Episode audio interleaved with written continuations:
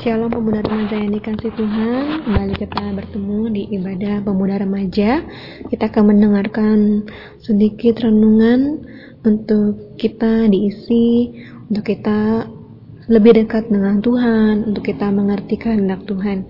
Mari kita siapkan hati kita berdoa sebelumnya Bapa di surga, terima kasih ya Tuhan. Kami bersyukur untuk segala kebaikan-Mu dalam kehidupan kami. Kembali kami mau diisi dengan firman Tuhan. Kiranya firman Tuhan menjadi pelita, menjadi terang, menjadi kekuatan bagi kehidupan kami. Pimpin dari awal sampai akhir, memberkati setiap yang mendengar dan melakukan firman-Mu. Dalam nama Tuhan Yesus Kristus kami bersyukur. Haleluya. Amin. Puji Tuhan, teman-teman, firman Tuhan yang hari ini akan saya bawakan adalah tentang uh, kepercayaan akan doa, ya. Kepercayaan akan kuasa doa, ya.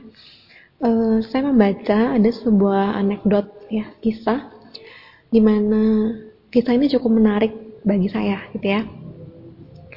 Ada cerita di mana gereja itu berdoa untuk sebuah klub, ya, di depan gereja gitu.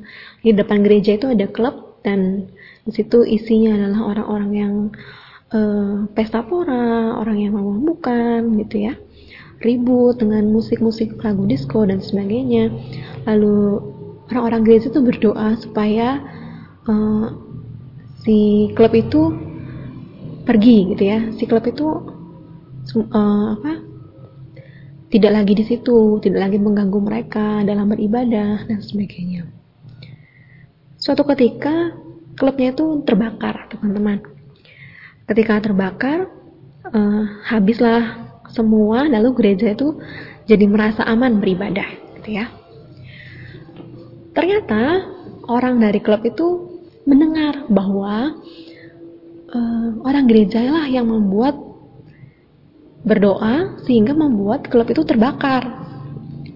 Ya, jadi mereka melaporkan gereja ke polisi karena gereja itu menyebabkan dari doa gereja itu menyebabkan klub itu terbakar sehingga uh, usaha mereka bangkrut gitu ya. Sampai di pengadilan mereka mengeluhkan semua itu ya. Lalu yang pihak gereja ditanya, apakah benar anda berencana untuk menghancurkan klub itu, katanya gitu ya. Enggak, saya tidak bermaksud untuk membakar gereja itu, eh, untuk membakar klub itu, katanya. Tapi saya hanya berdoa supaya klub itu tidak mengganggu saya, katanya gitu ya. Jadi intinya adalah ada ada orang yang berdoa tapi uh, tidak percaya akan kuasa doa, gitu ya.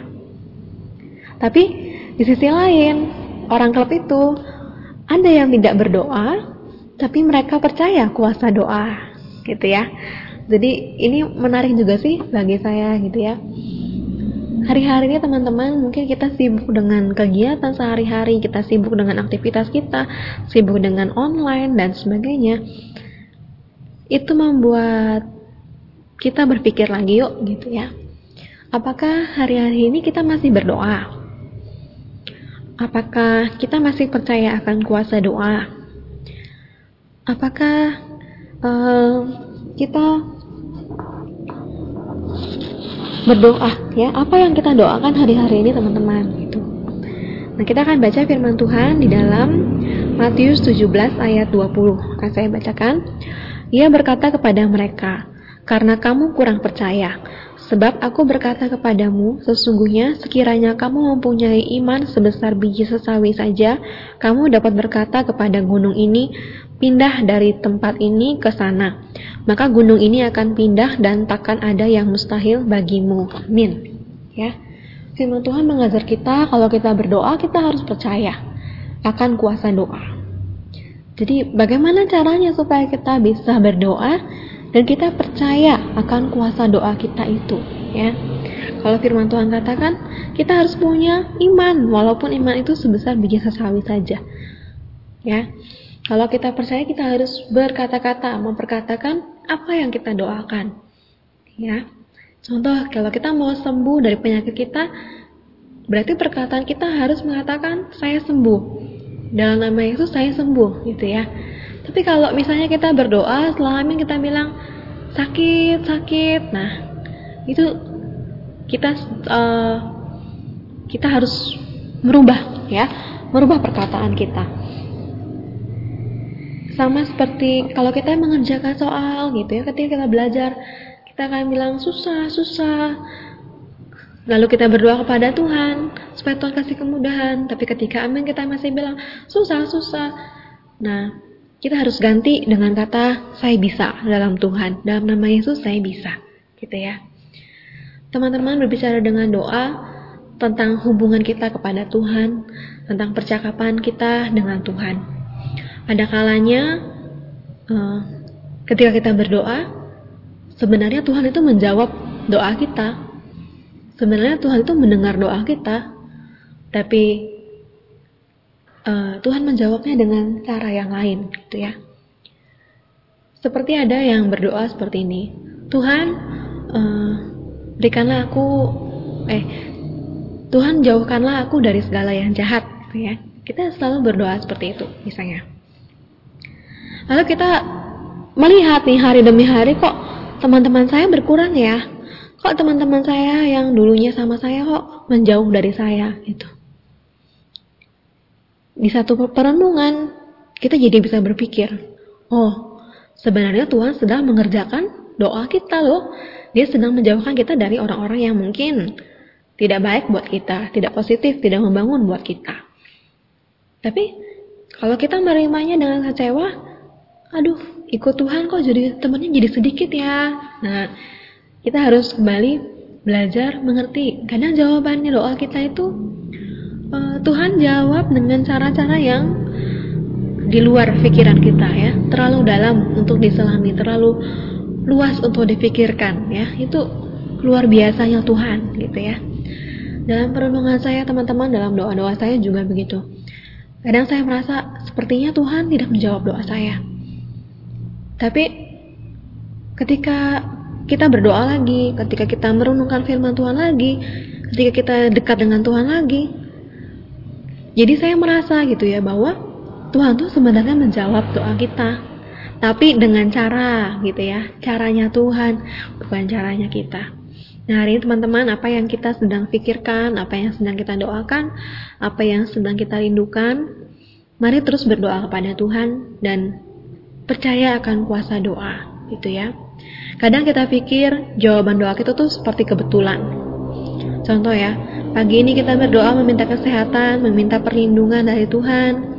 Ketika di jalan gitu ya, ketika kita hampir jatuh misalnya, tapi selamat, tidak apa-apa, kita merasa, oh itu karena uh, motor saya ini handal, bisa diandalkan. Padahal tadi pagi kita berdoa supaya Tuhan kasih perlindungan. Jadi harusnya kita sadar, oh tadi saya tuh lolos dari maut ibaratnya dari kecelakaan karena saya sudah berdoa tadi pagi karena saya percaya akan kuasa doa melindungi saya ya. Kemudian ketika punya kebutuhan ya. Saya tahu anak-anak muda sekarang ini punya banyak kebutuhan ya. Kebutuhan kota kebutuhan buat jajan kebutuhan buat beli baju lah beli apalah gitu ya. Oh berdoa sama Tuhan percaya akan Tuhan memberikan apa ya kecukupan kelimpahan dalam kehidupan kita gitu ya apalagi kalau misalnya niat kita baik ya apalagi kalau kita niatnya tulus gitu ya um, saya juga begitu teman-teman ya ketika wah Tuhan kalau ada berkat saya mau begini begini gitu ya kadang ah, ada gitu ya dan ternyata itulah cara Tuhan menjawab doa kita ya. Kemudian kita akan baca lagi teman-teman di Lukas 18 ayat 1 sampai 8. Akan saya bacakan. Yesus mengatakan suatu perumpamaan kepada mereka untuk menegaskan bahwa mereka harus selalu berdoa dengan tidak jemu-jemu. Katanya, dalam sebuah kota ada seorang hakim yang tidak takut akan Allah dan tidak menghormati seorang pun. Dan di kota itu ada seorang janda yang selalu datang kepada hakim itu dan berkata, Belalah aku terhadap lawanku. Beberapa waktu lamanya hakim itu menolak, tetapi kemudian ia berkata dalam hatinya, Walaupun aku tidak takut akan Allah dan tidak menghormati seorang pun, namun karena janda ini menyusahkan aku, baiklah aku akan membenarkan dia, supaya jangan terus saja ia datang dan akhirnya menyerang aku. Nah, di situ ceritakan tentang bagaimana seorang janda yang gigih meminta pertolongan sama hakim. Tidak jemu-jemu, setiap hari dia datang, setiap hari dia datang. Nah, teman-teman, bagaimana dengan doa kita? Apa hari ini ketika kita minta sesuatu, satu hari kita berdoa, kita udah jemu berdoa sama Tuhan, atau misalnya seminggu kita berdoa, kita sudah jemu berdoa sama Tuhan, setahun kita berdoa belum jawab, kita jemu berdoa sama Tuhan. Hari ini Tuhan ajarkan kita bukan pemilik waktu, kita tidak bisa menentukan waktunya kapan Tuhan menjawab doa kita, tapi firman Tuhan katakan Berdoalah dengan tidak jemu-jemu. Mari kita lakukan dalam kehidupan kita sehari-hari ya teman-teman. Itu saja yang bisa saya bagikan. Terima kasih Tuhan Yesus memberkati. Semoga menjadi berkat bagi kita. Mari kita berdoa. Bapak, terima kasih kami bersyukur untuk kasih karuniamu dalam kehidupan kami. Sore ini kami belajar untuk berdoa ya Tuhan. Untuk kami percaya akan kuasa doa. Apa yang kami doakan, apa yang kami percaya, apa yang kami imani jadi dalam nama Tuhan Yesus sesuai dengan kehendakmu. Kami serahkan Tuhan segala doa-doa kami kepada Tuhan. Kiranya Tuhan mau menjawab setiap seru doa kami. Berkati selalu pemuda remaja di tempat ini agar senantiasa kuat dalam Tuhan, dalam perlindungan Tuhan, dalam pagar penjagaanmu ya Tuhan. Terima kasih ya Bapak, kami tutup dalam nama Tuhan Yesus Kristus. Haleluya. Amin. Terima kasih teman-teman, Tuhan Yesus memberkati.